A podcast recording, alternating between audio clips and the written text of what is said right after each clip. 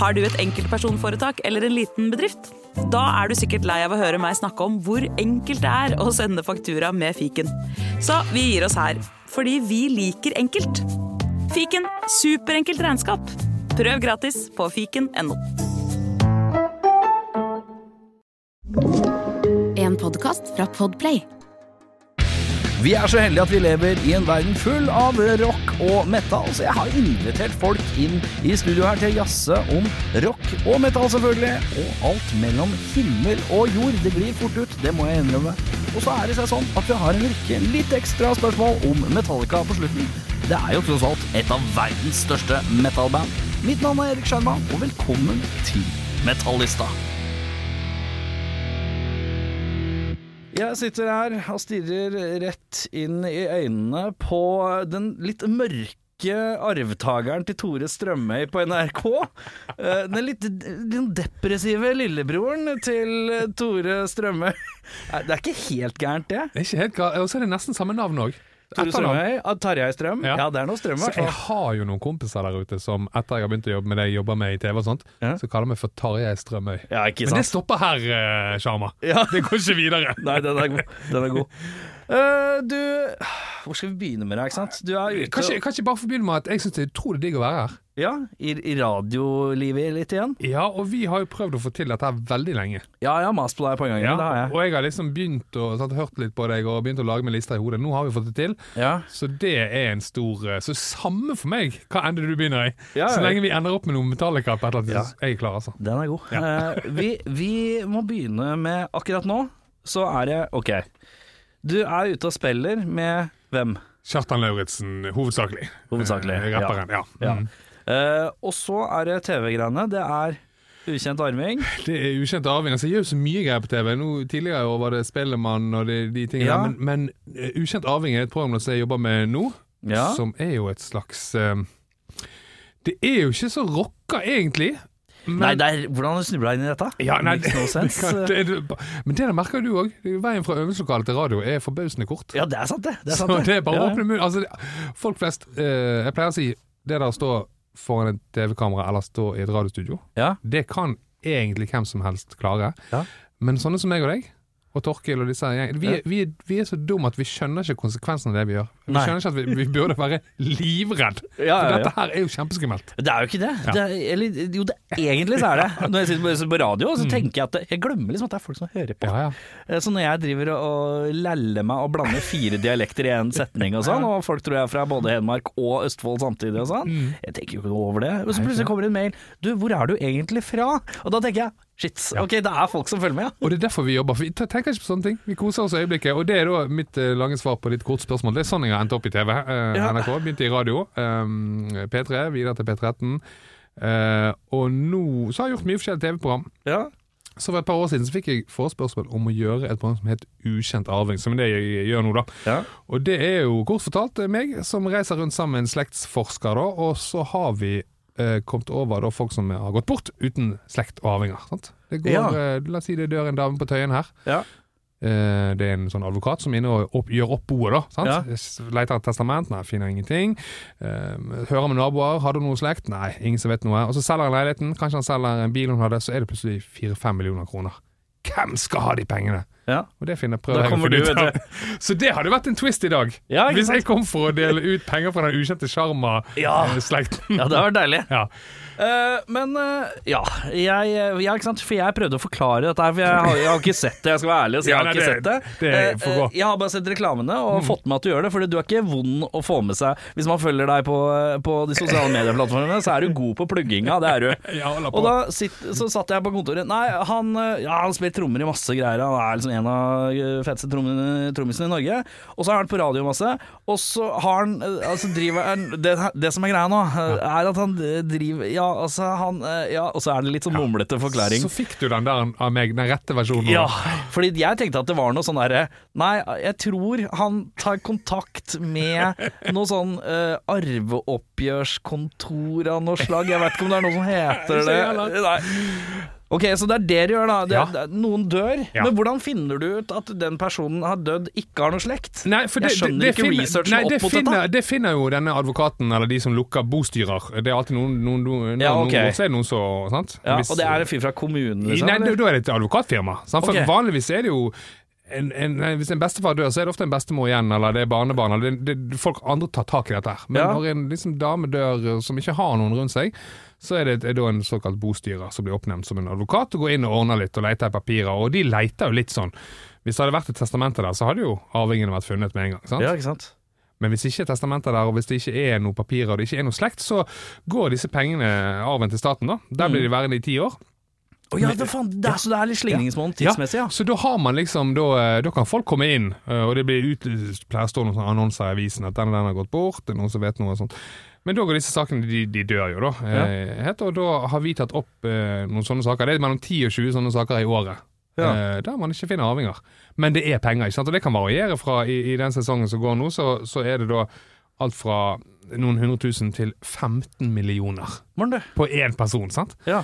Og da er det jo litt gøy å prøve å finne ut av dette her. Og da, da går vi jo uh... Men må du være sånn uh, Må du også være the messenger of death Ja, også samtidig? Nei, nei, for det er jo de, de som vi finner da til slutt, uh, arvingene, da, da har vi gått en vei. Sant? Vi har gått innom all slags eh, eh, ja, alt For da snakker vi sånn firmenninger og Nei, kvadruspelmenninger i, I sånn? Norge så er det uh, søskenbarn er de nærmeste, eller siste lengst ute som kan være. Oh, ja. Ellers er det jo, kan vi lete etter sant? barn eh, som ikke folk vet om, eller Ja. tanter og onkler og alt dette. Men, uh, men søskenbarn ofte er det vi ender opp med, så, eller, eller nieser og nevøer i noen tilfeller. Da. Men, Uh, men, så da må jeg jo banke på og si Du, uh, må snakke litt med deg her, for det, du hadde nemlig en, uh, søskenbarn, du, mm. på Gjøvik, for å Ja. dra den vitsen.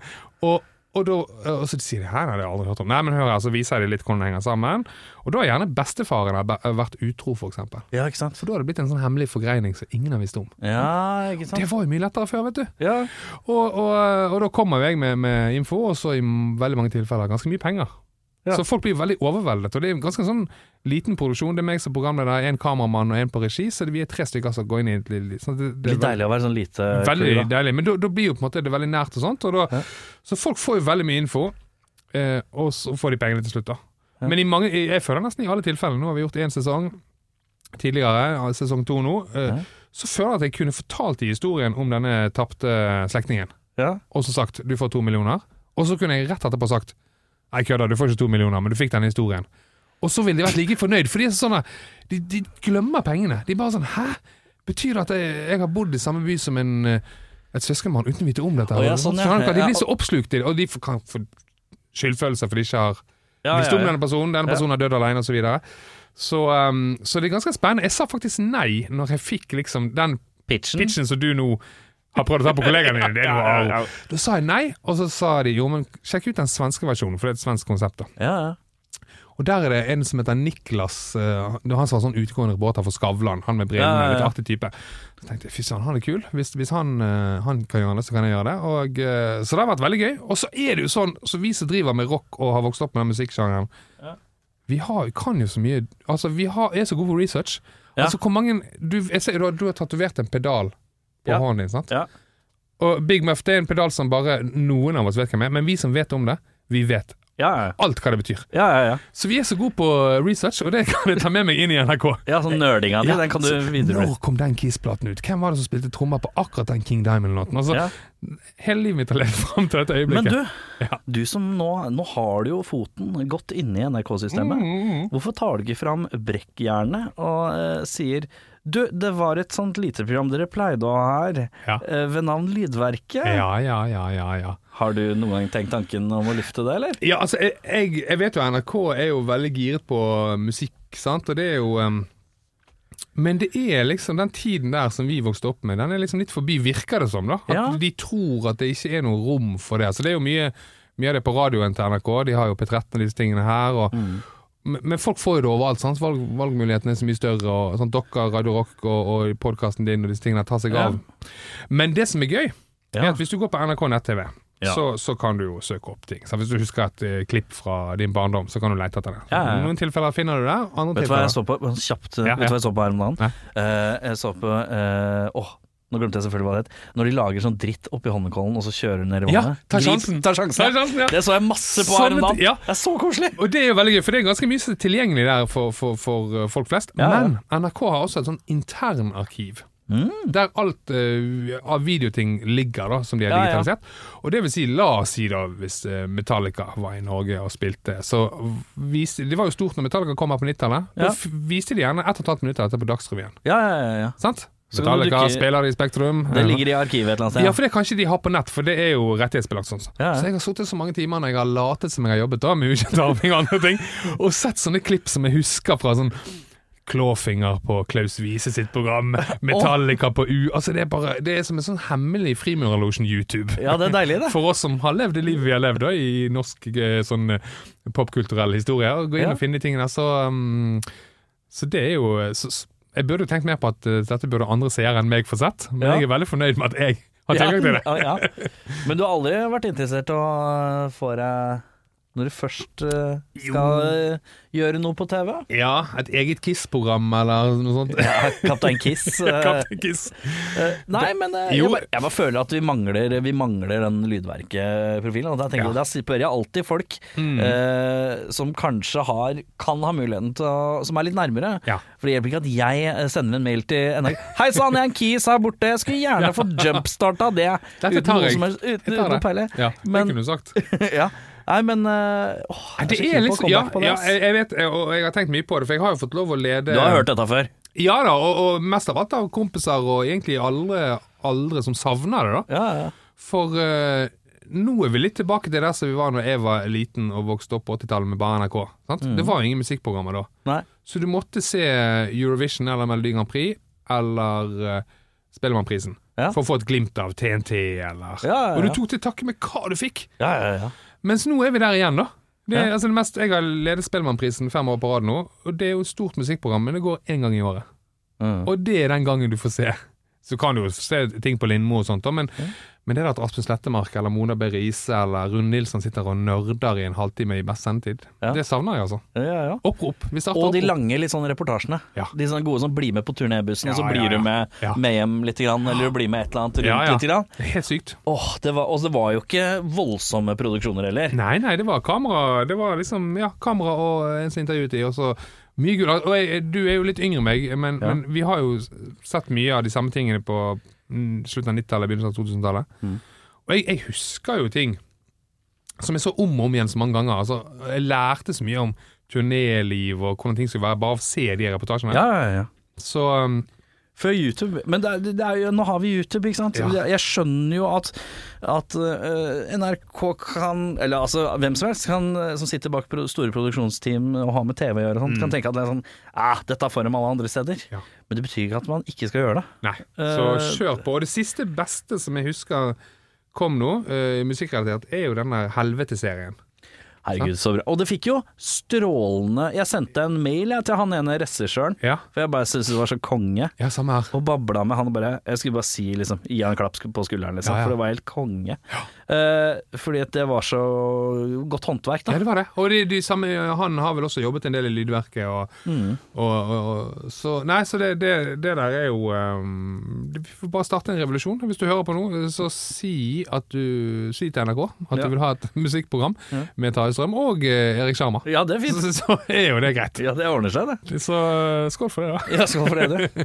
Men du, Mm. hvor skal vi begynne med deg? Hvor syns du vi skal godt. begynne med deg? Nei, sånn for å forklare litt Nei, nei, men sånn eh, Rock Ja. pluss Tarjei, Ja. det er lik sant på hvilket tidspunkt? Nei, det er lik sant fra for, for grunnen til det, Hvis det er noen som hører på som ikke kjenner så godt til meg, er fordi at jeg, jeg har jo um, stukket meg fram i sjangre som ikke er så rockrelatert. Ja. Men jeg er jo vokst opp uh, som en rocker. uh. Så det begynte jo, uh, som, som mange andre du har hatt på besøk her, med Kiss. da Ja, ikke sant? Sant? Eh, I treårsalderen. Jeg husker veldig godt at jeg liksom så eh, det visuelt sterke bandet der. Da var jeg, det var 81, så de hadde jo maskene på seg eh, allerede. Ja. Eller fremdeles, mener jeg. Eh, og så Hvordan så dere? Bare noen Nei, det har jeg faktisk gått tilbake i um, musikk... Eller i denne databasen NRK. Ja. For, for, um, for Jeg så det jo først på bilder, og så var det nyttårsaften 1984, faktisk. Da husker jeg, så da, da, for da har jeg sterkt minne av at det var et nyttårsprogram. Oh, ja. Der eh, det var En slags sånn kavalkade. Ja, slags. Ja. Ikke sant? Og jeg tror det var Ivar Dyrhaug som ledet det. sånt. Mann, myten, Ja, ikke sant? Og der har jeg et minne om at det var noe Kiss-greier. Og så husker jeg også at det var noen, sånn, noen som danset til Dovregubbens hall, som hadde noe sånn Kiss-aktig. Jeg trodde det også var Kiss, da, for det var noen maling og sånt. Oh, ja. Så gikk jeg i dette arkivet til NRK, så fant jeg det programmet. Ja. Og der er det riktig. Der viser de Kiss Lick It Up-videoen. Ja. Og eh, de viser noe helt annet, et sånt klassisk eh, stykke. Hvor gammel er du når du ser det? Nei, da er jeg faktisk eh, fem år. så da Fem eller seks, ja, seks år, kanskje. Ja. Men jeg husker veldig klart at jeg satt foran TV-en og så dette her, og da Det var første gang så levende bilder med Kiss, da. Ja. Og så var det i barnehagen, eh, da så hadde vi som het Stjerneposen, som lørdagsgodt, eh, som vi da oppkalte det P13-programmet etter. Og der fikk vi sånne Idol-kort inni, da. Du kunne få ABBA, du kunne få alt mulig, men det var også Kiss-kort av og til, da. Og da husker jeg så et sånt Kiss-kort, et bilde av Peter Chris, som jeg mener jeg, mener jeg har hørt du syns er den kjedeligste, en av de kjedeligste trommisene å se på, men veldig god holdning. Ja. Ryggen er god. Ja. Nei, jeg, jeg, her om dagen fant jeg ut hvem jeg syns den kjedeligste trommisen å se på er. Eh, Og det er ikke Peter Chris, det er, men han er, er ganske høyt oppe. Ja. Men den kjedeligste jeg vet å se på, er Charlie Watts. Ja, ja, ja. ganske kjedelig. Jeg tror han jeg tror han syns det var ganske kjedelig sjøl. Ja, det tror jeg Eh, Men uansett, da ser jeg jo at Kiss er jo visuelt sterkt. Det er jo Paul Stanley, Gene Simmons, Ace Freely, og så er det Peter Chris bak på scenen. Men da husker jeg at jeg så et sånt bilde, da, idolkort av Peter Chris, trommesettet. Masse trommer, masse cymbaler. Og da var jeg sånn eh, i fem-seksårsalderen og bestemte meg for det er det jeg skal gjøre. Ja. Så da var det kjøpe trommestikker, si til foreldrene mine nå skal jeg begynne å spille trommer, og så Det siden den er beskjeden alle foreldre er keen på. og jeg har jo eh, tre barn sjøl nå. Jeg har sagt til dem at uh, de, de trommene står der hvis kan vi bruke dem, men ikke gjør en karriere ut av det der. Jeg vil ikke ha Å? Ja, det er, det er så mye styr. Det er så mye styr. Ja. Eh, hvorfor, hva slags styr? Nei, det er ikke styr, men styr som foreldre å høre på det bråket. Ja, sånn sett, ja. Men, du, er har, men du har jo ingen, har ikke et øvingslokale du kan slippe dem av på. Jo da, går det, men det er nettopp det. Må du kjøre det ned Nei da, nå skal jeg ikke være Det finnes så mye annet. De må jo gjøre et eller annet som jeg kan. Vet du hva? Det makes no sense at Nei. du skal være i nærheten av å snakke om at det, tar, det er så døvt å kjøre ned til noe sted. Du som pendler, Jeg kjenner ikke noe levende annet menneske som Nei. pendler så jævlig mye som deg. Nei, jeg må ta selvkritikk. Men nettopp det! Dette livet ønsker jeg ikke på noen andre. Nei da, de skal få lov å gjøre hva de vil, de altså. Men, men eh, det er viktig at det er noe som man eh, Og det kjenner jo sikkert mange som hører på seg igjen i, at man begynner med det der eh, Begynner med noe. Ja. Altså, så Du begynte sikkert ganske tidlig sjøl å spille, du. sant? Nei, vet du hva, jeg, det, det var sånn 13, tror jeg. Så Ja. begynte jeg å spille gitar. Altså, Men likevel, sant? Altså, hvor mange andre kan si at de har tatt et valg da i anførselstegn i Ja, det er ganske tidlig. Eller 13-årsalderen? Ja, ja. Og så gjør du det. Ja, Det er det du gjør ennå. Så nå, liksom, nå ser du på klokken og tenker ja, nå skal jeg jobbe litt her, og så skal jeg gå i lokalet. Altså, det, er, det er jo en gave, egentlig. Ja, At man ja. har en sånn ting. Jeg misunner det veldig, for jeg var, jeg var en av de som bare aldri hadde noen plan. Jeg aldri aldri hatt noen plan. Jeg ble, jeg, ble, min utdannelse kom i boks i år. Oh, ja! Jeg er 34 år, og nå er jeg blitt journalist. Fantastisk. Det tok tid. Ja, ja, ja. Gratulerer. Eh, og mellom det så har jeg jobba med barn og unge, og i bar, og i altså alt mellom himmel og jord. Men eh, så misunner jo selvfølgelig det. Men Ja, det innebærer jo at du må bli god på trommer, da. Ja. Og det innebærer jo at du også må få et trommesett. Åssen gikk den eh, Jo, praten? det, det, det, det, altså mine foreldre ingen av de som spiller noe, men de var veldig interessert i musikk da, og tok eh, jazz da, for, og min, min mor da, min far var veldig glad i, i sånn um, The Who og, og Led Zeppelin og sånn engelsk rock da. Ja.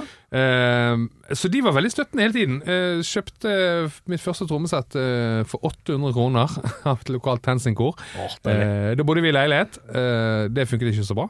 Så Nei. da spikket og sparte de, og så kjøpte de hus, da, så jeg kunne øve i kjelleren. Og, og de har alltid drevet og, og latt meg øve og, og holde på. Så, så selv om ikke de har gjort noe for å inspirere sånn rent musikalsk, så har de jo inspirert meg med å litt sånn ja, men Ja. herregud, det vært soccer mom and dad for Ja, ja, ja. for Men det er jo det er jo nesten egentlig viktigere. Jeg synes det, det er viktigere å ha, enn å ha en pappa som, som dytter Zeppelin og Uriah Heap ned, og sånn at du får rock inn fra han òg. Mm. Så er det viktigere å ha, ha Men han Nei, skal du øve som et annet sted? Ja, ja. Da er det bedre å ha sånn Jeg har ikke så peiling, jeg, men Ja. du kan øve i kjelleren så mye du vil. Det, det- er jo mye viktigere. Og når man er voksen og forelder sjøl, så, så skjønner man enda mer hvor mye det må ha kostet. sant? Altså, Altså, jeg har, Kiden min har sånn lite keyboard med en sånn mic hun synger i. Det passer jo aldri. Jeg syns det er helt jævlig. Hun har til og med Altså, jeg klikker jo fordi hun har sånn derre Hun har sånn kassaapparat, sånn skanner, som Ja, ja, lager ja. sånn.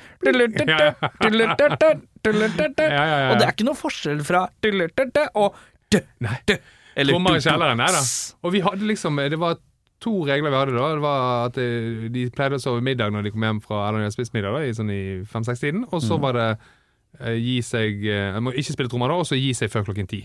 Mm. Men altså, vi hadde bandøvinger i kjelleren. Altså, Ja. eh, Mine første kjellerband øvde der. Og, Hva var ditt første band? Det var Hva het det? Det het Ja, ja, jeg husker veldig godt. Det het uh, Simens tørketrommel. Jeg gir deg en rolig Skal vi se, kjenne litt på det. jeg, følger, jeg følger IMDb-skala på det. Ja. Jeg tenker 3,6 Ja, skal de bandene få. Men altså, vi, vi, vi var jo som alle andre gode å spille, holdt på, visste hvor vi ville, men vi, navnet er jo alltid det vanskeligste. sant? Ja, ja, ja. Så, så jeg husker vi bare satt med i avisen, vi, og så fant vi en, eh, pekte vi på den neste siden. Det skal vi hete. Så var det en Siemens tørketrommel-reklame. men så tok vi vekk én, da, istedenfor Siemens. Ja. Så tok vi vekk én, og så ble det Siemens. Det. Men vi vant jo, vi vant, vi vant sånn lokal rockekonkurranse. Var liksom litt sånn på gang, da. Ja. Covret Metallica, masse Ja, i begynnelsen. Um, så eh, det var da starten på det hele. Så um, har det jo egentlig bare gått slag i slag. Men åssen, uh, i det store og det hele, uh, karrieremessig, så har du jo spilt mest funk og pop. Ja, det.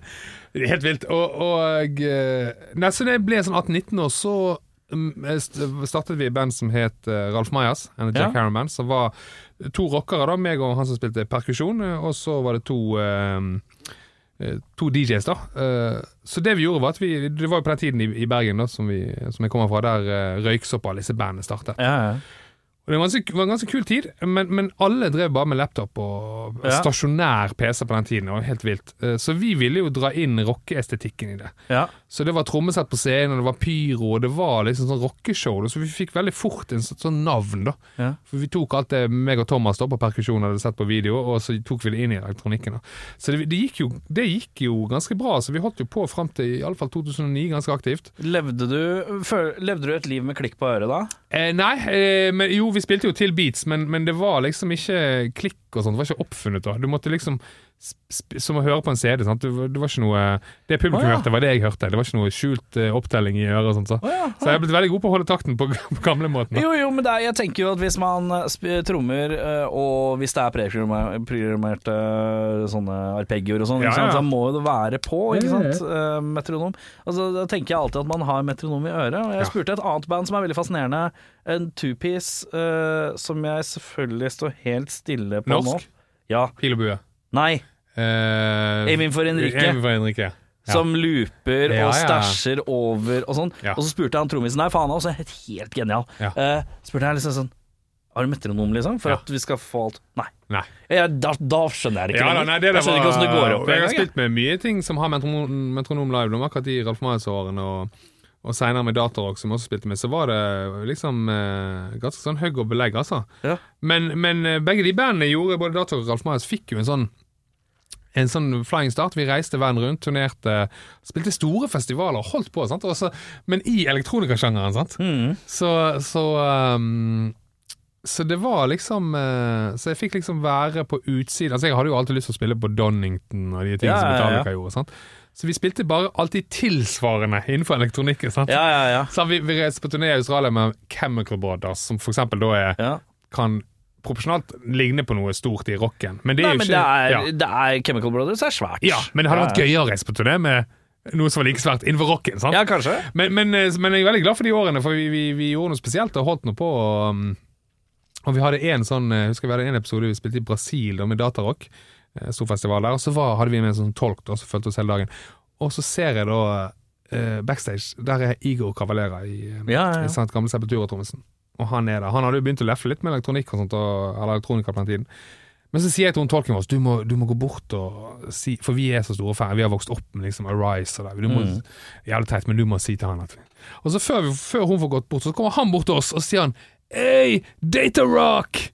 Ja, ikke Og da hadde han sett oss på eh, noen tidlig, uker tidligere i England og, og Ja. sånt, og jævlig fan av greiene. Så, så det er jo vittige ting, eh, altså. Fy Faen, det er trommestil, forresten. Ja, det er trommestil. Igor Cavalera. Jeg tror- altså- Den tommerullinga der. Ja, ja, altså, faen, altså. helt alvorlig. Vi, kan ta en digresjon der på at så etter det møtet så har jo meg og han blitt gode venner. Har mye kontakt sammen. Og, Ja, han har er jo vært der et par ganger ja, og Så han er, spilt litt. når han er i Norge, så tar jeg han, går vi og spiser sammen og holder på. Da. Men første gangen han spilte da i Norge eh, etter vi ble venner, så det var på Vulkan. Ja. Så hadde de den der eh, Det var vel Roots-turneen, Ja. han og broren. Ja. Var vi spiste middag, jeg tok han med, kjøpte den der uh, Mayhem-boken til han på engelsk. Den Ja, ja, ja. Der, eh. Dødsarkiv. Og hang ut backstage og sånt. Og, og så hadde, du vet jo sjøl hvordan det er når du spiller i band. Sant? Du, du vil jo ikke bruke opp tiden til folk. Så jeg var litt sånn nei, nei. Nå var det utsolgt på lokalen, så jeg spurte han om jeg kunne stå sidestage Ja. og bare se det derfra, for det var litt kaos ute i publikum. Så jeg ja, ja, jeg har ordnet det. Og så uh, kommer altså turmanageren og sier ja, fem minutter til dere skal gå på, folkens. Og så sier jeg til Igor ja, jeg stiller meg sidestage, jeg. Nei, nei, nei, nei, nei. Nå går introen på, og så blir du bare med trommetekken min. Hæ? Så, satt jeg på introen. Så følger trommetekken meg opp på scenen. Å, og er så, fikk du lov å perke? Nei, men Å, nei. Igor har sittet da en stol bak Marshall-rekket til broren, rett ved siden av trommesettet. Sånn publikum kan ikke se meg, men jeg sitter da altså Og glor på Igor, da. 10 centimeter unna han. Så når du sier det er noen trommeruller der, ja, det kan jeg skrive under på. Jeg har, jeg har sittet altså så nærmt han i de to gangene de har spilt i Norge de siste par årene, så sitter jeg der. Og det er sånn Ja. Han, Det er jo litt gøy, men det er veldig intimt, da. Hva er favoritt-Sepultura-trommetracket? Åh, nei, jeg lurer på om det er fra den eh, Det må være kanskje Territory. Ja, jeg tenker Territory, eh, også. Ja, så er det jo Arise, det er jo ganske hissig, men Territory er jo eh, Det er ikonisk, ass. Ja ja, sykt, altså. Neida, vi, Hvor var vi? Vi var vel eh, Hvem var det du tar du, inn? eh, du eh, har vært ute og spilt Ja, ja. Med, med mye elektronisk og mye pop og uh, hiphop nå, da. Ja da. ja. Det er, men, hvor, hvor, er, hvor er det store rockebandet oppi alt dette? Det er jævlig vittig, for, at det, for eh, meg og deg ble jo kjent i, i ganske nylig, for et par år siden. Sant? Ja. Vi var programleder for Tons og Rock sin sånn festival-TV-sending-ting. Jævlig gøy. Og sant, der er jeg dukker også dukker opp i mye sånn rocketing, men min rockestanding i Norge, da Grunnen til at rockemiljøet har skjønt at jeg ikke bare en poser, Ja, ja, ja.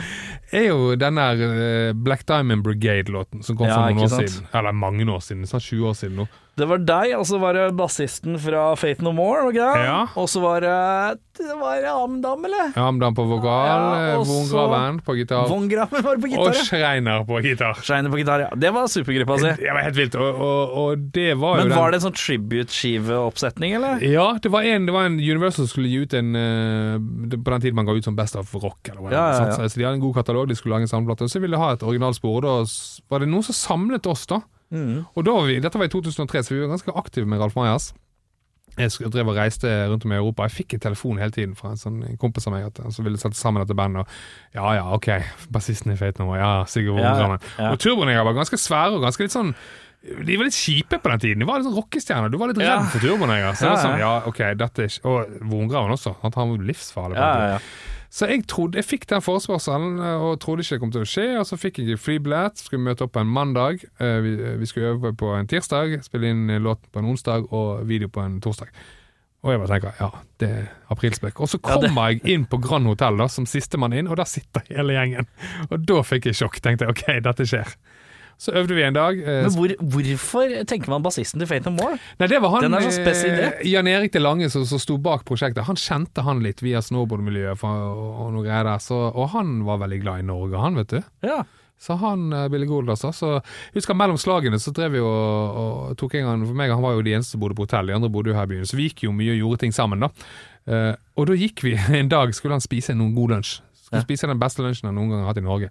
Så liksom i Aker Brygge, tenkte jeg. For han, han husket ikke hvor det var, men han ville skjønne det når han så det. Og Ja. vi gikk og vi gikk, og så kommer vi opp i Pilestredet på et tidspunkt, og så der. Så var det Blitzhuset. Her har det! Det, Spes. så de har vært masse med Fate No More i Norge, sant? tidlig på slutten av 80-tallet. begynnelsen av Ja, ja. 90-tallet. Da det var der de spiste. Det er spes. Det var veldig spesielt. Jeg trodde de bare solgte vafler. Ja, ja, det var gode vafler. da. Veldig gode vafler. Så eh, nei, altså, det er nok, det er nok rockealibiet mitt, da, og så har jeg um, Men hvorfor, hvorfor Hvor er det store rockebandet ja, oppi alt dette her? Nei, jeg har jo Og så har jeg jukset litt, og jeg har jo vært vikar. Sant? Er jeg er jo sånn som folk ringer når folk blir syke. Eller. Ja.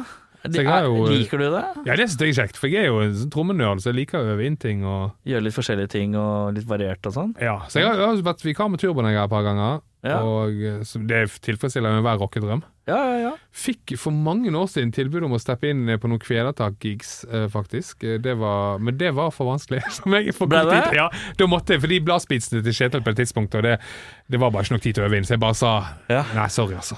Er det akilleshælen din? Blastbeats? Ja, litt for det kan vi kanskje komme inn på når vi skal snakke om Metallica litt senere, for det, på et eller annet tidspunkt som en ung trommis, så bestemte jeg meg for at det der, da, tok jeg vekk dobbeltpedalen. For Ja. skjønte jeg kommer til å gå så vilt unna dette. her. Ja. At jeg må bli best på det jeg kan bli best på. Jeg, jeg, her må jeg bare pakke vekk pedalen. Ja. Så det har ikke jeg liksom To, to basstrommer har jeg sluttet jeg med etter eh, den første store Metallica-fasen min. ja, riktig. Når skjønte det begynte å gå nedover med Lars Ulrich, så tenkte jeg da Hvis ikke han klarer det, klarer ikke jeg det. Men er det, så det er ikke noen kløe som ikke er blitt klødd? Det at Nei. du ikke har liksom hatt et sånn rockeband som har levd et stund, gitt ut et par plater Det er liksom ordentlig rockeband? Nei, det, det er et godt spørsmål. For, for det at jeg, altså, jeg er jo vokst opp som, som rocker, så jeg måler jo suksessen min etter hva jeg sjøl trodde jeg skulle få til da jeg var liten gutt. sant? Ja, ja. Så, selv, så jeg har jo opplevd proporsjonalt eh, store ting som jeg så for meg at man kunne gjøre som et rockeband. Mm. Og i og med at jeg har fått være spille med Black Diamond-greiene, Turboneger og andre rockeband og sånt, så, så ja, det er et godt spørsmål, men jeg tror svaret er at For du har liksom fått dekket opp eh, kanskje en slags uh, spiller-rock-kvotering, Ja. men kanskje ikke en følelsen av å være del av et band som har skrevet og gjort Nei, og ikke. Og selv om eh, Nei, det, det, det er et godt poeng. Og, men, men det sant, den kreative prosessen har jeg hatt i mine andre band. Og så Ja, det er jo sant. kan jo være så Mye av den musikken vi har laget, har vært elektronisk, så det har vært laget på en helt annen måte. Mm. Så jeg har sluppet, da, eller gått glipp av å stå i lokalet med Marshall på fullt. Mm. Og tromme og krangle, og Ja. kanskje min har vært mye kortere Ja, ja, ja. hvis jeg hadde spilt i rockeband. For jeg bare Dette orker Dette orker jeg ikke. Så nei, det um, Men her sitter jeg da, vet du, i studioen til Radio Rock. På Ja. en Metallica-podkast. Ja, altså, du du er kredibel er du mer enn nok, ikke tenk på det. Det skal du ikke tenke på. Men uh, hva er uh, Hva er eh, Ikke sant, nå lever du det glade liv. Mm. Det er TV, det er uh, virre og rundt og tromme for eh, rapper Ja. Mm. eh, per øyeblikk. Ser ut som du storkoser deg. ja da. Eh, og det er jeg, jeg må innrømme at jeg aner jo ikke hvem han er. det- Eh, For han er ikke innafor min uh, Og jeg er egentlig på ingen måte liksom sånn Min bucketlist over ting jeg skulle ønske jeg kunne sett live, Ja. er ikke nødvendigvis bare rock heller. Nei, nei. Det er liksom sånn For meg øverst Ja, det er litt sånn sidestilt med å få sett Rage Against the Machine en gang. Ja, ja, ja. Så har jeg Jamiroquai. Oh, ja, ja, men han har blitt litt gammel, han har ikke dance moves lenger. Nei, jeg skjønner men, veldig godt. Ja, men det er liksom sånn derre Så jeg har liksom Jo, men et eller annet sted der ligger altså, Kjartan Lauritzen, som jeg spiller med, er et slags Ja. sånn eh, rappfenomen som kom um, for noen år siden. Han, eh, og jeg har kjent de guttene der hele livet, fordi, eller sånn hele mitt voksenliv, for de var litt yngre enn meg igjen. Ja, De kom på Ralf Majas og Datarrock-konserter, så jeg har masse sånn fanbilder med de da. ja, ja. ja. Så har vi blitt kjent profesjonelt da i de senere årene, og um, han Kjartan Lauritzen er jo også en rocker. Altså han Når vi sitter backstage, så sitter vi og hører på liksom, eh, Lamb of God og ser Pantera-klipp fra 90-tallet. Altså. ja ok. Eh, men, men musikken han, han lager, er jo da eh, Er jo liksom hitbasert hiphop-musikk. Han synger på sånn uh, Sognamål, eller Balestrand-dialekten sin. Så, Mm. Så, eh, så han er jo litt i vinden. Nå i sommer har vi spilt veldig mye. Gjort et par og 20 Ja, festivaler. det ser det har vært eh, masse greier. Varmet opp for Post Malone i Bergen. Ja, det er bra. 24 000 mennesker, og helt vilt. Og da møtte jo han Kjartan Post Malone etterpå. Ja. Og så um, uh, står de og spiller sånn beer pong, og så sier bare Kjartan til Post Malone For jeg spurte, spurte du han om konserten, hva snakket dere om? Ja, Og da hadde Kjartan sagt til Post Malone um, Jeg har hørt at du digger Pantera. Og da er Post Malone bare Dude. Og så har han vist fingertatoveringen han har, har av Dimebag. Ja, og så har de stått liksom og bare pratet om Pantera. Fy faen, husker du eh, når alt var stengt, eller? Og Post Ja, ja, ja. dro seg noen Nirvana-coverlåter? Var ikke det rått? Det var helt Så sinnssykt! det er det jeg mener. Hele det- verden var jo bare sånn what ja, the fuck? Ja, det var helt vilt. Og, øh, men det er nettopp det jeg digger, da. Det der med at man øh, man kan være øh, På 80-tallet øh, så, så Se bare på Metallicas karriere. Hver gang de har banet vei, Ja. så har de fått pes. Ja, ja. Men nå, noen ganger har de fått pes med rette, altså. ja, ja, ja. Men nå er så mye lov. sant? Du kan liksom, Jeg kan stå på TV med tatoveringer altså, på hendene, liksom. Og, eller jeg kan sitte på Radio Rock og på din podkast og snakke sjøl om jeg spiller trommer. Kjartan Lauritzen. De der um, båsene er litt sånn utvannet, ut, uh, vannet, da. ja det er, men det, er, det syns jeg var rått. Så det er digg. Hva var det Du, vet du hva, du er jo Du er litt sånn Norges eh, Travis Barker, det er det du er. Ja, Du han, var med, han var med Post Malone. Han men, Post Malone. men Ja. du, han spiller også med litt sånn, med sånn hiphop Ja, her og der. Så Han han- er litt sånn, sånn dukker opp her og der. Ja. Du begynner å bli litt han, du. Begynner å bli litt han. Litt uh, Bortsett fra at du er ikke like redd for fly. Nei, ikke like redd for fly, og er litt mer kvapsete. Og uh, jeg er veldig glad for at uh, jeg er sammen med min junior, ikke hun Kardashian. Men ellers er det Ja, Takk for videre, Ja, nei, han er jo um, Han er jo en legende. Altså, han er vel det for uh, vår, eller sånn 90-tallsgenerasjonen uh, som på en måte uh, Kanskje Lars Ulrich var på 80-tallet, Kanskje. og eh, Ringo Starr var på um, på, med Beatles. I hvert fall for alle som liker sånn, eh, sånn eh, pop-punk eh, og sånne type ting. Jo, men vet du hva, du kan gjøre en, en øvelse. Det er litt artig hvis du går på en ja, metal-festival, rockefestival. Ja, ja. Tons of Rock kanskje, eller ikke se de store bandene, men litt i det mellomsjiktet. Ja. Så bare tar du opp eh, telefonen, og så ser du Travis Barker sitt trommesett. Så Du vet én tarm oppe, Ja, ja. tarm nede, én ride, og så to cymbaler flatt. Ja, Og så skal du se hvor mange trommiser som har det det oppsettet. Det, oppsettet. Det er bare Og en liten china på siden. Apropos Gå og eh, se på trommisen i øvingslokalet ditt. ja. Se om han egentlig liker Travis Barker. Jeg lurer på om han er sånn 80-talls ja, han er jo ganske rå. Han er jo litt på, på grindingen og sånt. Så. Ja, ja, ja. Eh, men uh, Ja, apropos symbal. Hvorfor har du én symbal jævla høyt oppe? Er det bare fordi du er breial? Ja. Det, er, det er ikke det er, For jeg tenker, her er det enten for å unngå å bli det mikken, eller så er den bare en jævla breial. Nei, det er bare helt idioti. Altså, med, med Ralf Meyers og Datarock så satt jo jeg med trommesettet ganske langt fram på scenen. Ja. Som jo er helt idiotisk. Det var resten av bandet som Noen ganger sidelengs òg. Ja, ja da, sant? Men ganske langt framme. Og da øh, syns jeg det var så stressende at jeg tonet ned trommesettet mitt ganske mye. Det altså, Ja. Kanskje en skarptromme, en golftarm og sånt lite. Men så så det også jævlig dumt ut. For jeg Ja. tenkte Hvis jeg hadde hatt mye trommer, så ville folk sånn «Å, Der sitter Mark, Mark Portnoy. Ja, ikke det. Runketrommis. Ja, sant? Så, så du kan heller runke på lite oppsett, så skjønner ikke folk at du runker. vet du. Ja, ja, ja. Men, men da ble det det at jeg hadde bare én symbal, og den må du gjøre noe gøy ut av. Så den er da heist veldig høyt opp som en sånn slags satellitt. ja, ja, ja. Så jeg kommer så vidt borti han da. Eh, Og jeg, har, jeg fikk jo prolaps for et par år siden, og da var han eh, legen min bare ja ja.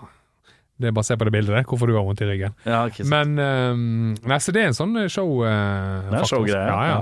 ja, for jeg har en, en kompis av meg spiller i et band Ja, han spilte i et band som het Eight Heart Attacks. Ja. Litt sånn hardcore band. Han er en av de som starta opp Harpefoss eh, Hardcore Festival. som Ja. liten festival. Han har jo bare Gulvtom, Ja. han har Ride, litt langt nede, eh, Skarp og Hayat. Det er alt den har. ja, dødsfett. Men han knuser Ja, ja. liksom på Elsker det. det, elsker og da får jeg, jeg, får, jeg må innrømme, jeg får litt sånn høyere respekt når jeg ser Ja, ja, kan gjøre jævla mye. Ja, det har liksom hele tiden vært målet mitt, og du nevnte Rage Against Machine òg han trommisen har òg ganske beskjedent oppsett i begynnelsen. Ja, ja, ja. Så, Men han eh, er bare, han er bare i lomma hele tida. Ja, ja. Jeg digger det. Helt Så eh, Nei da, det, det er en visuell eh, appell der, altså. Med høy symbol. Uh, men du, Ja. Så mye som du farter, Mm. som jeg får inntrykk av. Og jeg tror ikke det er bare et inntrykk jeg har, jeg tror du er farter mye. Sant, ja. Og det er mye uh, Se hvor mye plass jeg har beina mine på flyet her. Ja, ja. Den er klassisk. Eh, og da er det rett og slett sånn Hvor tålmodig er din fru? ja det, er et godt, det er et veldig godt spørsmål. Skal vi gi henne en liten Ja, ja. Er For, for det er altså uh... Juni, som sitter hjemme og, og holder hus, hun altså Trikset der er jo at man må jo eh, Var det superdad når du kommer hjem? Ja, det er jo jeg. Er flink til å slå av når, når, eh, når jeg ikke er på, altså. Ja. Uh, og så er det jo det med å planlegge ting litt, og så, som du sier, bruke tiden eh, av ganske mye. For det, det er jo bare tiden når jeg er på TV eller på konsert, det er jo da jeg, folk ser meg, tenker de. Men det er jo bare Ja, ja. Skulle jeg si mye mindre, men det er 50% av det jeg gjør. Så 50, det andre er jo kjedelig joggebukse inne og Ja, ja. Uh, men, men, det- men det er klart, og, og juni når vi ble sammen, så, så turnerte vi veldig mye med datarock. Og da fikk hun være med på en sånn uke der vi dro til uh, New York, uh, var vel Hellas, Sverige, Norge på en uke. Få innblikket, liksom. Ja. Og, og da, da var hun bare sant? Kom hjem, syntes hun det var veldig kjekt. Så han bare Men at du gidder dette? Altså, nå har jeg vært i byer og land jeg aldri har vært i, og jeg har kun sett hotellrom, flyplasser og vært trøtt i en uke. Så dette skal du få lov til å holde på med, Tarjei. Ja. Men jeg skjønner hvor mye jobb det er, og hvor mye Så hvis det er denne veien du velger, så skal vi få det til å fungere. Men det, det tror jeg er også trikset, da. Å avmytifisere litt det der man holder på med. For man tror at showbiz er jævlig gøy. Ja. Og det er det jo på scenen. Ja. Men ellers er det jo Slitsomt. mye verre enn ganske mange andre jobber, altså. Ja. For det er mye venting og mye sant? og, Jeg, jeg tenker bare at du kom sikkert med flyet inn i Oslo i dag, Hans. ja, ja. og så skal du med flyet hjem sikkert i kveld. Ja, ha det, ta, så, så, det, Det, bare det syns jeg virker Ja. pes. Så alt, alt altså, jeg, altså, ja. for all del. Ja, nei, det, der, altså, har jo, det er jo det sykeste. Det ikke, vi trenger ikke bruke mye tid på det. Men, men jeg har jo tid. Jeg har jo Ikke um, Jeg begynte jo aldri å drikke. Mm. Sant? Eh, Så jeg har kanskje et lite gir der. Mm. For at jeg aldri har begynt å bruke rusmidler. Høres jo veldig kristent ut. Men, Ja, eh, nei, men men, eh, så, så, så det var jo òg en ting. Altså, ganske tidlig så kom jeg inn i et sånt uh, bitte lite sånn straight edge-miljø i Bergen. Vi var Ja. sånn hardcore folk som var opptatt av det.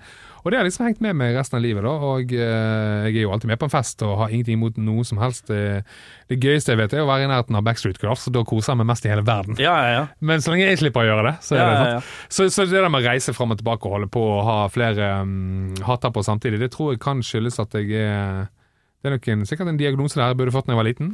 ADHD-aktig. Blanding med at man har det lille overskuddet i og med at man ikke, man ikke fester. Hvordan er du når du er sur?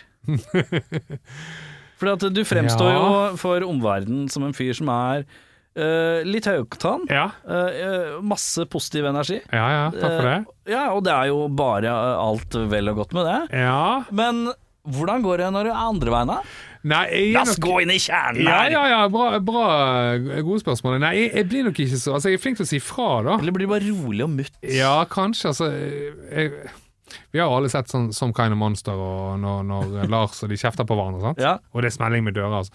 Det, er, det er noe av det mest ukomfortable jeg vet om i hele verden. Sånne oppgjør. ja. Så det vil jeg helst unngå. Så, så da eh, på tidlig tidspunkt da bare si fra at nei, dette var jo helt idiotisk, eller dette må vi finne ut av. Så, så jeg blir sjelden sur, altså. Så du er alltid litt føre var? Ja, Så du merker at her kan noe begynne å gnisse? Ja, da, det, så- da tar vi tak i det med en gang ja, ja, før det blir det. Ja. Så, men, men, øh, men jeg kan bli Altså, jeg er jo sånn eh, for der, Du òg. Oppfatter jeg som en veldig sånn blid type. Jo, men jeg er jævla grinte ellers. Jo, men du har en sånn edge som Altså, du kan, du kan kødde samtidig altså, skjønner Man skjønner at det er Du kan si fra, du òg. Ja, ja, ja. Mens, eh, mens folk som ser meg på TV eller på scener og sånt, så, som du sier, så kanskje jeg er smilende type, så sitter jeg hjemme og ser et eller annet band jeg bare hater, og da får jo Juni høre det. Se på det der. Jeg skjønner ingenting. Ja. Da kan jeg bli sånn sur og sånn. sånn da blir han der en av de Så du to. har en gammel grinete mann? ja, ja, du jeg er jo eh, de der to i Muppet Show som sitter på balkongen og Ja. kjefter ned på showet. ja. Så, um, men det er jo litt av retten vi har, vi som levde gjennom 280- og 90-tallet. vi, må, vi må kjefte på folk som har det for lett å lage Ja, musikk. ja, det er sant, det. Okay. Uh, altså, det er eh, Jeg kan bare sitte her i timevis. Ja, jeg òg. Men jeg lurer på om vi må snike oss inn på noe metallgasspørsmål? Ja. Uh, ja, det er jo uh, Det må vi. Det må vi. Har du et enkeltpersonforetak eller en liten bedrift? Ikke det? Nei. Nei, men da holder vi det enkelt og gir oss her. Fordi vi liker enkelt.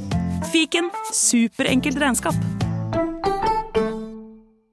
Ungsamtalen fra DNB er økonomisk veiledning tilpasset deg som er ung. Bokk en ungsamtale på dnb.no. ung. Ok, det var jo en syk døll måte å forklare ungsamtalen på, da. En smart prat om penga mine, ville jeg sagt. Ikke sånn kjedelig økonomispråk, skjønner du. Veien går videre, Ja. og vi skal inn i Metallica-riket. Og Da spør jeg ditt generelle forhold til Metallica. Når er det første gang du hører det, eksempel? Nei, altså det er veldig sterkt forhold til Metallica, uh, men det er Altså, jeg vokste jo opp eh, på 80-tallet, um, født i 78, så jeg leste jo mye sånne blader fra Sverige og sånt. OK var et sånt mm. blad som hadde mye Kiss og Metal Crew og de tingene jeg likte. Eh, Kerrang var litt borte også ganske tidlig. Og da husker jeg, altså Metallica var alltid i de, Fra 84 og sånn, så figurerte de i disse bladene. Ja. Men mer som sånn, hvis du er opptatt av Kiss og Metal Crew, så, så var jo liksom Metallica mer som sånn vanlige dudes med naglebelte. sant? ja. Litt sånn som Mastodon på en måte blei litt ja. uh, sånn rundt eh, 2000-tallet. Veldig godt poeng. Altså Plutselig var de der og så Oi, shit, er det så bra? sant? Ja. Eh, så det var vel ikke før Injustice for All jeg begynte å skjønne at ok, det var, det var den One-låten da fra MTV. Så var, traff jo ikke helt, da. Men når man gikk inn og hørte på det, så husker jeg det var første gang jeg hørte musikk som du måtte liksom Eller rock.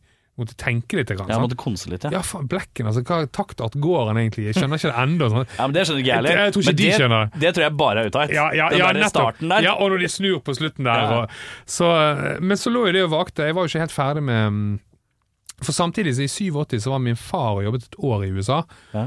Og da jobbet han med, med Var dere med? Nei, vi, vi ble med på Når han kom hjem, så var vi med på, um, på ferie, da. eh, en måned. Men, men han, så han sendte sånn eh, kassetter hjem, da. eh, Brev, han leste inn brev og sånn. sendte Og så han jobbet han med sånn problemungdom i Chicago, litt sånn Ja. gjengmedlemmer og sånt. Og da spurte han de da, han hadde en sønn hjemme som likte musikk, hva skal vi kjøpe til han? Sende hjem. Og da hadde jo akkurat Appetite for Destruction kommet ut, Ja, ja. Så han sendte den hjem da til meg før den var kommet ut i Norge. Kult. Så jeg var helt sånn, satt og hørte på dette her, og, og fra 87 til sånn, eh, ja, starten på 90-tallet, så tok Guns N' Roses veldig stor plass. Ja. Så de åtte gikk veldig mye glipp av Metallica, men Så du må, selvfølgelig du må inn til Kårstad òg, du, da. Ja, ja, Guns ja, N' Podcast. Du skal bare runde ja, riket her. Ja. Guns Roses. det- det- Men, men det er jo min generasjon. Vi kan dele begge hjernehalvdelene inn i Ja, ja, ja. eh, Guns Roses og Metallica. Mm. Uh, sidespor der, det gjorde, at, det gjorde jo at jeg fikk ikke plass til grunchen før jeg ble eldre. Nei. Når grunchen kom, så ja, ok, det orker jeg ikke nå. Jeg Ja, må få gjøre meg ferdig. ok, så det, det var ikke snakk om at eh, du hørte på det likte ikke det. Det var mer sånn Dette har ikke plass til akkurat nå. Dette må bare vente litt. Dette må bare vente litt. Det passer ikke inn i mitt system. Jeg har gått fra liksom, Kiss, eller Scooper, Metal Crew, Wasp til eh, Guns N' Roses, og så plutselig kom Metallica inn. Ja. Og så oh shit, der er Slayer, der er Pantera. sånn, Så Ja. har du det gående. Um, Kjapp digresjon. ja. Favoritt-grungeband? Grungeband, uff. Det er vanskelig, for igjen, jeg er litt eldre enn deg. Uh, når du kan shoppe i ettertid, så er det litt sånn Da er det mye lettere. Ja. Men jeg husker jo veldig eh, Når de kom, så var alle- veldig like for meg, da. Ja. Det var flanell, altså det var videoen til Pearl Jam og Nirvana, og så kom Stone Temple Pilots, så kom Soundgarden. Så for meg var det en sånn pakke, liksom forstyrrende pakke mens jeg holdt på med mitt. Men jeg har jo skjønt i senere tid at fy søren så forskjellige de bandene er. Veldig. Og da heller jeg nok mer over i sånt Stone Temple Pilots eh, Soundgarden. Altså Ja. så seigt og Jeg var, tungt. jeg var veldig på Soundgarden, Ja. men jeg klarte aldri Stone Temple Pilot var det eneste jeg ikke følte jeg mekka. Ja, eh, men, men Da hørte jeg heller på sånn Tad Ja, og sånne ja, ja. sære Jo, ting. jeg er med eh, på, på, på den eh, men, men, men det er noen sånn riff, altså sånn Vaseline og sånt, med, Ja. med, eller Piece of Pie, mm. låter med Stone Temple Pilot som er så tunge. Mm. Men for meg er det den delen av grunchen jeg liker best. da Mm. uh, Og den er nok bare til stede hos i trommingen til Dave Grohl. Han ble nok sjøl veldig Ja, ja.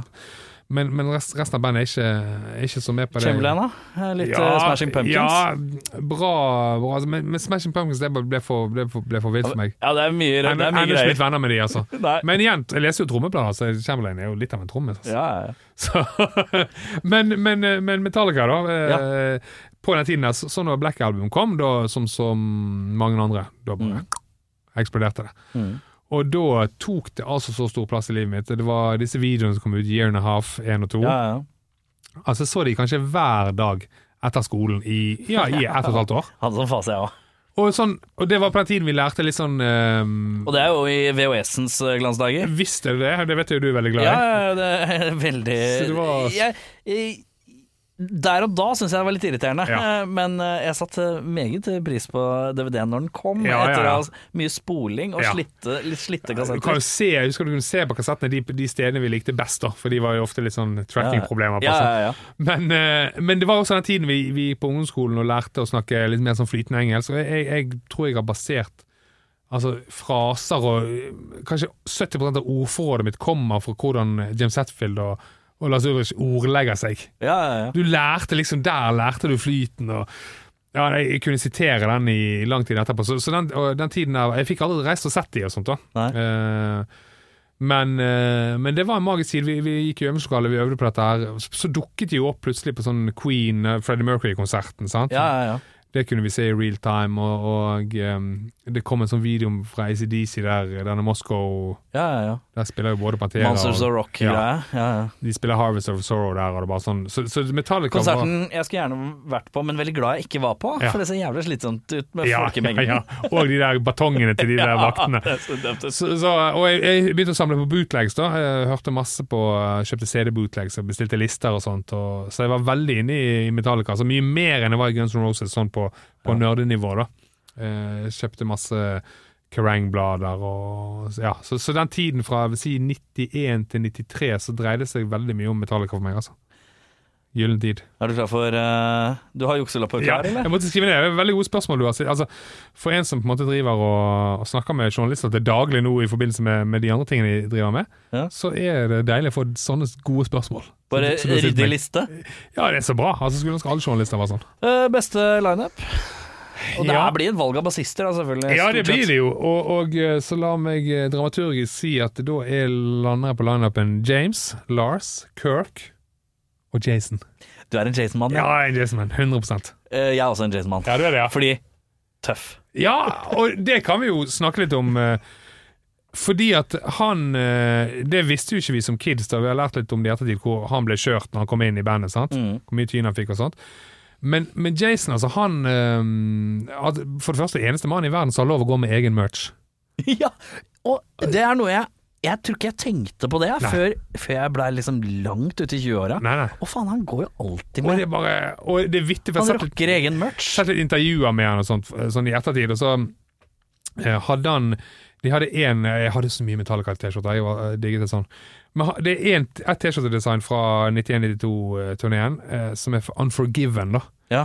Så er det, det er tegnet en slags Jeg husker ikke helt, men en slags sånn eh, Døden, og så er det noe en bøddel og noe greier. Det er sånn, det, sant? Litt sånn rotete design. Ja. Men han gikk med den T-skjorten ganske mye for Ja. å løfte det salget, og den, det ble en av de mest selgende T-skjortene. ja, ikke sant? Og han fikk jo litt sånn dårligere bet- Han fikk jo ikke så mye som han skulle hatt for uh, uh, så Nei, Jason, og, og han, så han var den første som klippet seg, første som viste at det var noe annet uh, Du kunne høre på annen musikk.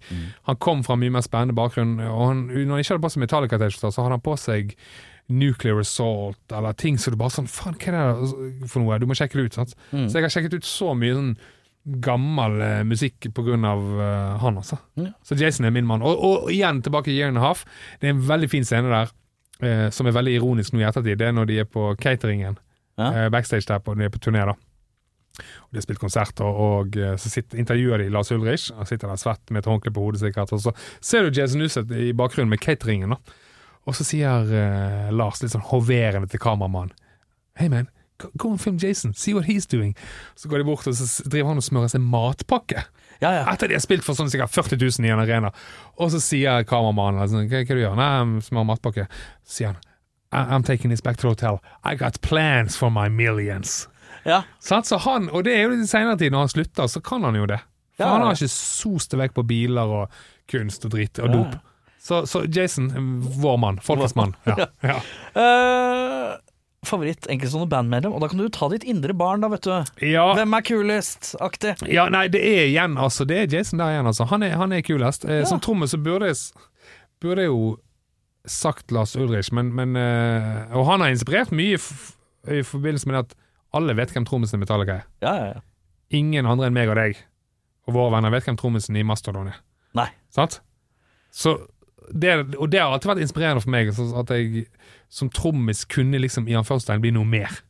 Ja, at du kunne, du, du kunne være nesten like mye frontmann Ja. som uh, vokalisten. Rett og slett, sant? Uh, men jeg må si altså uh, Jason er også mitt favorittmedlem eh, i, i bandet. Rett og slett for hele pakken, altså looken altså, Jeg hadde en kveld jeg der jeg satt Apropos reiser mye, sant? sitter på hotellrom og Altså bare så gamle liveklipp eh, fra den eh, Black Album-turneen, bare for å se på Jason når han korer. Ja. Altså han han synger 'Die' på 'Creeping Death', eller Det fins, jeg husker ikke hvor det er fra, jeg lurer på om det er på litt seint på 90-tallet, Mm. hvor det er eh, en miks som har gått litt skeis, så vokalen til Jason er ganske mye høyere Ja, enn pleier å være. Ja, ja, ja. Og, da, og der er det en eller annen låt hvor han får lov å synge, eller ja Creeping han, Death ja, han synger, nei, han synger siste verset på. Seek and Destroy. Det er det, ja. Ja, ja. Og da, Ja, ja. da bare er innser jeg sånn Fy faen, den hardeste kisen. ja, ja. Eh, jeg, skjønner ikke at de turte å kødde med den. Nei, engang. nei, så jeg, så jeg digger eh, Jason altså 100% Og det er òg sånn der, hvis du ser liksom uh, Nothing Else Matters-videoen, for eksempel, som er en sånn kortversjon av eh, de der Life and um, Year and a Half, Life of Metallica, så har han liksom på hestehale og briller. Ja, ja, ja, Han er liksom professoren. Du bare tenkte han har noe som ikke de andre har. Det er noe det. Så Jason. Favorittera? Være seg album til album eller år til år? Ja, det er nok den, den, den eraen jeg liksom levde eh, samtidig. Ja. Som, som det, og det var Black Album-tiden, altså. Ja. Eh, magisk tid. Eh, måtte sitte hjemme og lese avisanmeldelsene når de var i Oslo, Ja. kanskje en eller to ganger på den turneen der.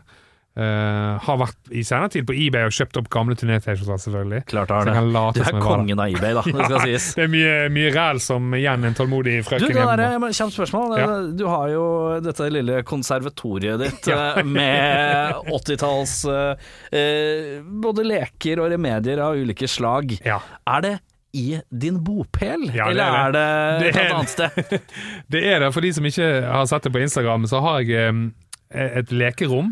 Eller det er et kontor. Når vi flyttet inn i et hus for uh, seks år siden, så var det et lite kontor uh, som jeg fikk. Klapp igjen, det er ikke noe kontor. Det er et lekerom, ja. Det er, Men det er en pult der! ja. Men det er nesten museum òg. Ja da, og, og der er det fra gulv til tak. Uh, alle lekene som jeg ønsket meg da jeg var liten. Hele min sånn era av He-Man, Star Wars um, Ja, alle disse tingene der. Ghostbusters, Turtles. Ja. Uh, og det er ikke sånn det er ikke et allment sånn museum, for det er jo bare ting som jeg likte. Ja, Så jeg har for eksempel ikke noe Transformers. Det lekte jeg ikke noe Jo, men det er sånn klassisk når man begynner å se noen bilder på det, og de Ja. ser Garbage Pale Ja, ja, ja, ja, Kids-greiene, ja. så, så, så sier man sånn ååå. Ja, ja. Men er det Kjapt spørsmål. Ja. Eh, I voksen alder så er jeg blitt litt han fyren som, som er liksom sånn her om dagen så kjøpte jeg en Snake Pliskin-figur, for eksempel, Mm. ja. av Kurt Russell fra Escape from New York. Ja. Og det gjør litt Og da kjenner jeg Når jeg kjøper den litt, så Ja. er det jo ikke nødvendigvis uh, Erik 34 Nei, nei. som har behov for det, men det er Erik 34 som kjøper det, for han fikk det ikke da han var liten. Samme. Og, og jeg, jeg, jeg fikk, eh, fikk jo en annen Star Wars-figur og He-Man og sånn, men fikk jo aldri Borgen eller Nei. flyene eller sånn. Jeg husker fetteren min hadde liksom Turtles og sånn pizza Han hadde, han hadde van Ja, ja, ja. som skøyt pizza pizzaer og sånn. det var jo de vi måtte Vi trengte kanskje ikke å like det engang, men det var de folkene vi gikk og lekte med da vi var liten. For å leke med de tingene Så, så det rommet da som, som er Det er vel halvpart Altså det er ganske lite. Det er en tredjedel av et studio, kanskje. Ja. Sånn her. her. Ja. Eh, topp til tå, altså. Med, og da går jeg på eBay og finner litt Jeg, jeg driver ikke og spekulerer i det. Det er ikke sånn at jeg bruker mye penger på det, men jeg finner gode dealer her og der. Mhm. Nå hin dagen så fant jeg et, um, et wrestlingbelte, sånn leketøysbelte på Finn. da Ja, ja, ja. sånn søk Sånn WrestleMania-aktig. ja, ja, riktig, for 87. Og det var i eske og alt, så jeg bare, det lå ute 500 kroner. Uh, det kom opp i feeden min, kjøpte det bare med en gang. Og så begynte jeg også å google litt, og så fant jeg bare ingen info på det. Og så begynte jeg å kontakte litt sånn selgere, eller samlere i USA og sånt. da. Ja. ja, for du gjør researchen sånn. Ja, etterpå gjør jeg det. For jeg, jeg ville jo bare ha det, for det, det hadde jeg lyst på da jeg var liten. Ja, ja, ja. Så kjøper jeg det, så, så får jeg kontakt med de samlere i USA, så de sånn Det der finnes jo ikke. Det der er noe et av de vanskeligste å få tak i. Det er sånn anslått sted mellom 5000 og 10 000 kroner koster det beltet der. Men det er gøy, da. Så snubler du plutselig over. En eller annen kid som ikke veit hva han har, ikke sant. Og noe jeg aldri skulle sagt at jeg hadde det hjemme. Nei. Undisclosed location. ja. uh, vi var på favorittera, det var rundt Black Album. Ja, ja, 100 Vi, vi sniker oss videre. Beste sånn liveklipp eller live-DVD eller VHS eller livealbum Ja. i lytteform. Uff, nei, da må det bli uh, den som var med på De har gitt ut veldig mye, Ja. og det er mye bootleg som er samlet sånn, men det er den uh, offisielle eh, Seattle 89, altså. Ja. På liveshit-boksen. Ja. Det er noen shots der bak trommesettet igjen, altså, så bare, og det koker sånn i publikum der. Altså, hvis du ikke har sett det, du som hører på, det har du nok, altså, men, men søk opp Seattle 89. Det er, den er enkel. Det er helt sykt. Vi snevrer igjen. Beste album. Ja, og der er det jo Du har jo intervjuet ganske Så mange det, nå. så er det spørsmålet Ja. hva er beste? Ja. Og det måtte jeg tenke på, faktisk. Ja. For jeg kan ikke svare Black Album her fordi det er min æra. For det er jo Ja, for det er min favoritt, kanskje. ja, ja, men ikke det beste. Nei. Og da måtte jeg eh, Så jeg satt på flyet i dag og hørte og hørte og hørte og tenkte og tenkte. og tenkte Faen, så mye bra de har, altså. Ja, ja, ja. Men, men helhetlig så er det et sted mellom uh, Mellom eh, Masters, eh, Master of Puppets eller uh, Injustice for All. Men der må Jeg tror det må bli Master, jeg, altså. Ja. For den er liksom så jævla solid. Den er veldig gjennomført, Ja, det er det. på et eller Og, vis. og det er jo på en måte en justice også, men det er noe med Det blir litt varmere om hjertet. Og så, Kill Em All er jo bra. Altså, Kjempebra debutplate. Ja. Ride Lightning Kanskje litt for ujevn for meg, eh, Ja. men, men Sier jeg. Sitter her og snakker om Metallica. Sorry, guys. men eh, Nei, Master of Puppets eh, må det bli, altså. Verste albumet? Nei, vet du hva, og det vet ikke om det er tilfellet her inne og, og gjester du har hatt før, men jeg har aldri Ja, etter Black Album så har jeg ikke hørt en hel Metallica-plate. Aldri. Aldri. Hvorfor ikke? Jeg har ikke hørt Reload, jeg har ikke hørt Load. Jeg har hørt låter her og der, Ja. Og det gjelder helt opp til uh, Men er det fordi du har hørt drypp, og så har du ikke likt dryppa? Ja, så har ikke det passet inn i, i livet mitt, og det har ikke vært uh, Jeg jobbet i platebutikk. Nå reiste du deg i studio. Nå reiste jeg meg, ja. Nei, Jeg måtte strekke beina litt. Ja, og jeg. tror, nå tror jeg nå klikker, ja, ja, nå klikker det for meg. faen. Fy Nei, faen. så jeg, så jeg har ikke Jeg var moved on, liksom. Ja. Uh, Har du ikke av ren nysgjerrighet hatt lyst til å sjekke ut liksom, når det kommer en ny Metallica-plate? jeg husker jeg begynte med intensjon om det med St. Anger. Og det, det gikk jo som det gikk eh, for alle som hørte på den platen. Ja. Jeg liker nok bedre i nå, i dag, det jeg kan høre på den platen. Mm. Men jeg kan ikke eh, jeg, jeg, kan ikke Du kan ikke ta en total negativ vurdering av Nei, altså, det, det, og, men det som er viktig, er at jeg har vært fan hele livet. Altså, jeg har vært veldig up to date med hva de holder på med. Ja. Sett alt, lest om de. Da er det så jævlig rart at når de slipper, Ja. slipper en ny skive, og du bare Nei, eh, jeg trenger ikke å sjekke ut det. Nei. Og så er de jo så gode på det. da De vet så godt uh, hvordan fansen er. At når de spiller live, så spiller de alt mulig. Mm. De kan dra fram liksom helt ville ting, og da kan jeg stå og høre en og annen ny låt. Men jeg har faktisk ikke hørt en hel Metallica-plate siden Black Album. Det er Ja, det, er, det er en deilig workaround, for å ikke Ja. slenge noen under bussen, selvfølgelig. Men Ja. eh, det lar det passere. Vi skal til en enda mer. Beste låt. Beste låt, åh, det er da siste låten på Master of Puppets, 'Damage Inc'. Ja. Den er så hissig, og det, der er de på sitt beste. ja. Det er, Så du liker når det trasher godt? Ja, ja, 100 Og da- da er det noe med trommingen til Lars. Det er teksten, altså. Det, det er kanskje en av de få Metallica-låten eh, James Hetfield faktisk banner, altså på plate. De banner Ja. mye, men så eh, ja, Siste verset der så er det noe 'fuck it all', 'fucking no regrets'. Jeg husker Ja. det var så sterkt å høre. Og, og, og du har den begynnelsen der med Cliff, uh, Det blir hissigere og hissigere. Det, det er et band som ikke aner hva som kommer til å skje. Ja. Altså, de kommer til å bli det er ingenting der som sier at det kommer til å bli verdens største band. Nei, sånn Men det å vite at et av verdens største band har laget den låten der, bra. Altså. Da anbefalinga et band som Metallica-fans kan sette pris på. Ja, men jeg har fått jeg, jeg, da, da må jeg få lov å si verste låt, altså. Verste låt. ja, faen, det verste låt har vi glemt! Selvfølgelig må vi ta Du verste låt. ja. eh, du, du bare tenkte siden jeg hadde Du hadde en workaround på Ja. verste album, så Ja. tenkte jeg kanskje du styrer Ja, nei, selvfølgelig. jeg, For da må jeg få lov å si Whisky in a Jar. Hæ? Men det er ikke Metallica-låt? Nei, det vet jeg, men, men, men deres innspilling Ja. Altså, Det er for meg det, det verste i hele Altså, det, der, det, det går ikke. Fy faen, hvem er det jeg snakka med her om dagen? Jeg vet Danny Young var ikke så glad i den heller. Den er jeg. ikke glad i. Og jeg tror Alexander Schou heller ikke var spesielt Ja. begeistra for den. Og så er Jeg vet ikke hvordan det er her i For det, det er en ting jeg ikke forstår, og det er Ja. også et stort band. Eh, For jeg, jeg mener Jeg elsker Metallica, Ja. jeg elsker Misfits, jeg elsker Danzig, men jeg hater Volbeat. Ja, og det Og Whisky in a Jar er det som gjør at Volbeat kan eksistere.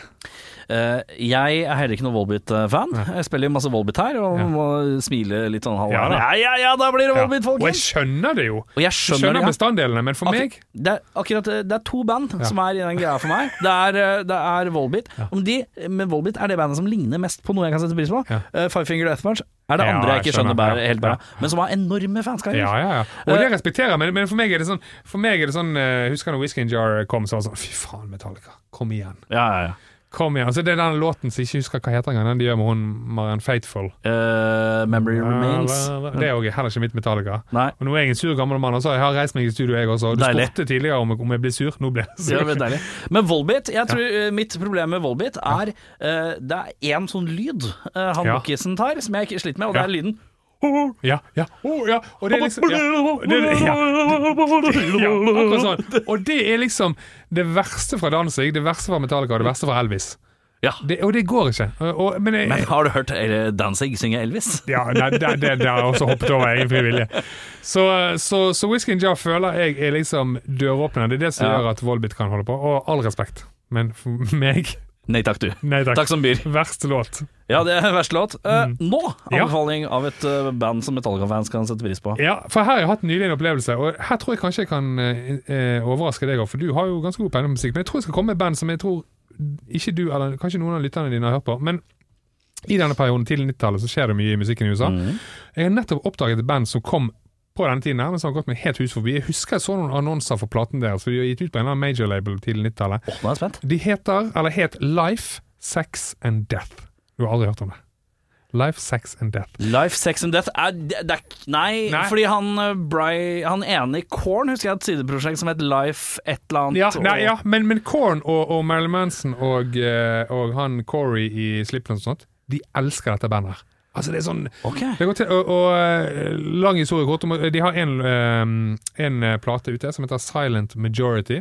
Ja. Fra 93, tror jeg. det er 92. Det er så bra. Det er så bra. Ja. Og, og, eh, men greiene, det er det som gjorde at de ikke kom noen vei. Dette skal dere google. Dette skal du google. Gå Ja. på YouTube og sånt etterpå. Life, Sex and Death. Bandet da, de var et band eh, som kom eh, på ekte fra Chicago. Og de prøvde seg på hårmetall. Altså trommisen, bassisten, gitaristen og vokalisten. Langt hår og sånt. Gode riff og squealing på gitaren og sånt.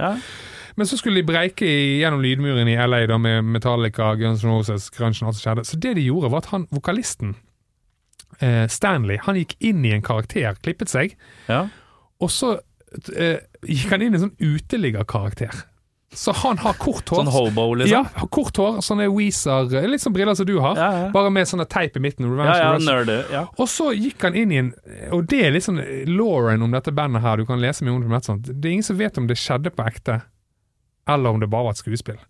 Men han, denne vokalisten og Stanley, han, eh, hvis du ser dem på, på, på YouTube, og sånn, så ser du et sånn heavy band frontet av en fyr i dress. Som, så jeg har Dette, her lagt ut begy- noe- dette her begynner å høres sånn halvveis kjent ut. ja, for jeg har lagt ut noen greier på, på internett på Ja, YouTube på, på min, eh, når jeg oppdaget det. Og, og, og han går i dress, da, og han ville når, når bandet liksom eh, gikk og la seg i turnébussen utenfor venue og skulle dra, Ja. Så lå han og sov med søppelkassene. Så når, Hvis du leser om det på nett, sånn, så luktet det bare Han luktet helt jævlig. Hvis Han gikk inn i en sånn ja, hobo-karakter. sånn, men, men, og, og de fikk eh, Det store gjennombruddet i han første var at de ble spilt på Beavis and Butthead. Beavis and Butthead elsket det. ja, ikke sant. Og, og, eh, men Live Sex and Death, den platen der, Stanley som vokalist, det er noen videoer der som bare er helt eh, Og der er det ganske tung riffing, altså. Det er Ja. noe, eh, og, og når du da i senere tid vet at eh, Marilyn Manson, Slipknot og disse folka her har digget dette bandet her, Ja. så det er en sånn liten uh, hidden gem, altså. Så da anbefales det kanskje at uh, man øh, dunker på første låta uh, på en skive av det på hva enn man hører Ja. på, og så går man rett på Google og leser om det litt samtidig. Det. For den totale totale Men opplevelsen. jeg skal få tipset, for det var jo et veldig rart band dette. Så første sporet det er en litt sånn her surrete intro. Den bare hopper du over. Ja, ok. Og så går du på andre sporet, og så gjør du det du sier. Ja, Ah, du kommer til å elske det. Deilig. ja. Ja. Da er det sånn at uh, Ukjent arving har premiere når?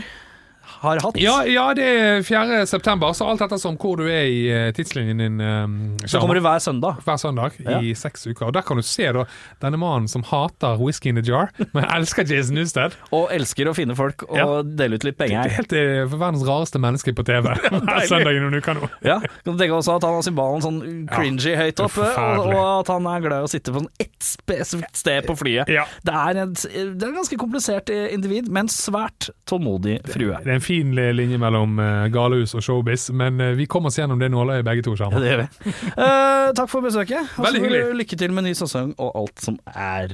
Takk skal du ha. Du har hørt en podkast fra Podplay. En enklere måte å høre podkast på. Last ned appen Podplay, eller se podplay.no.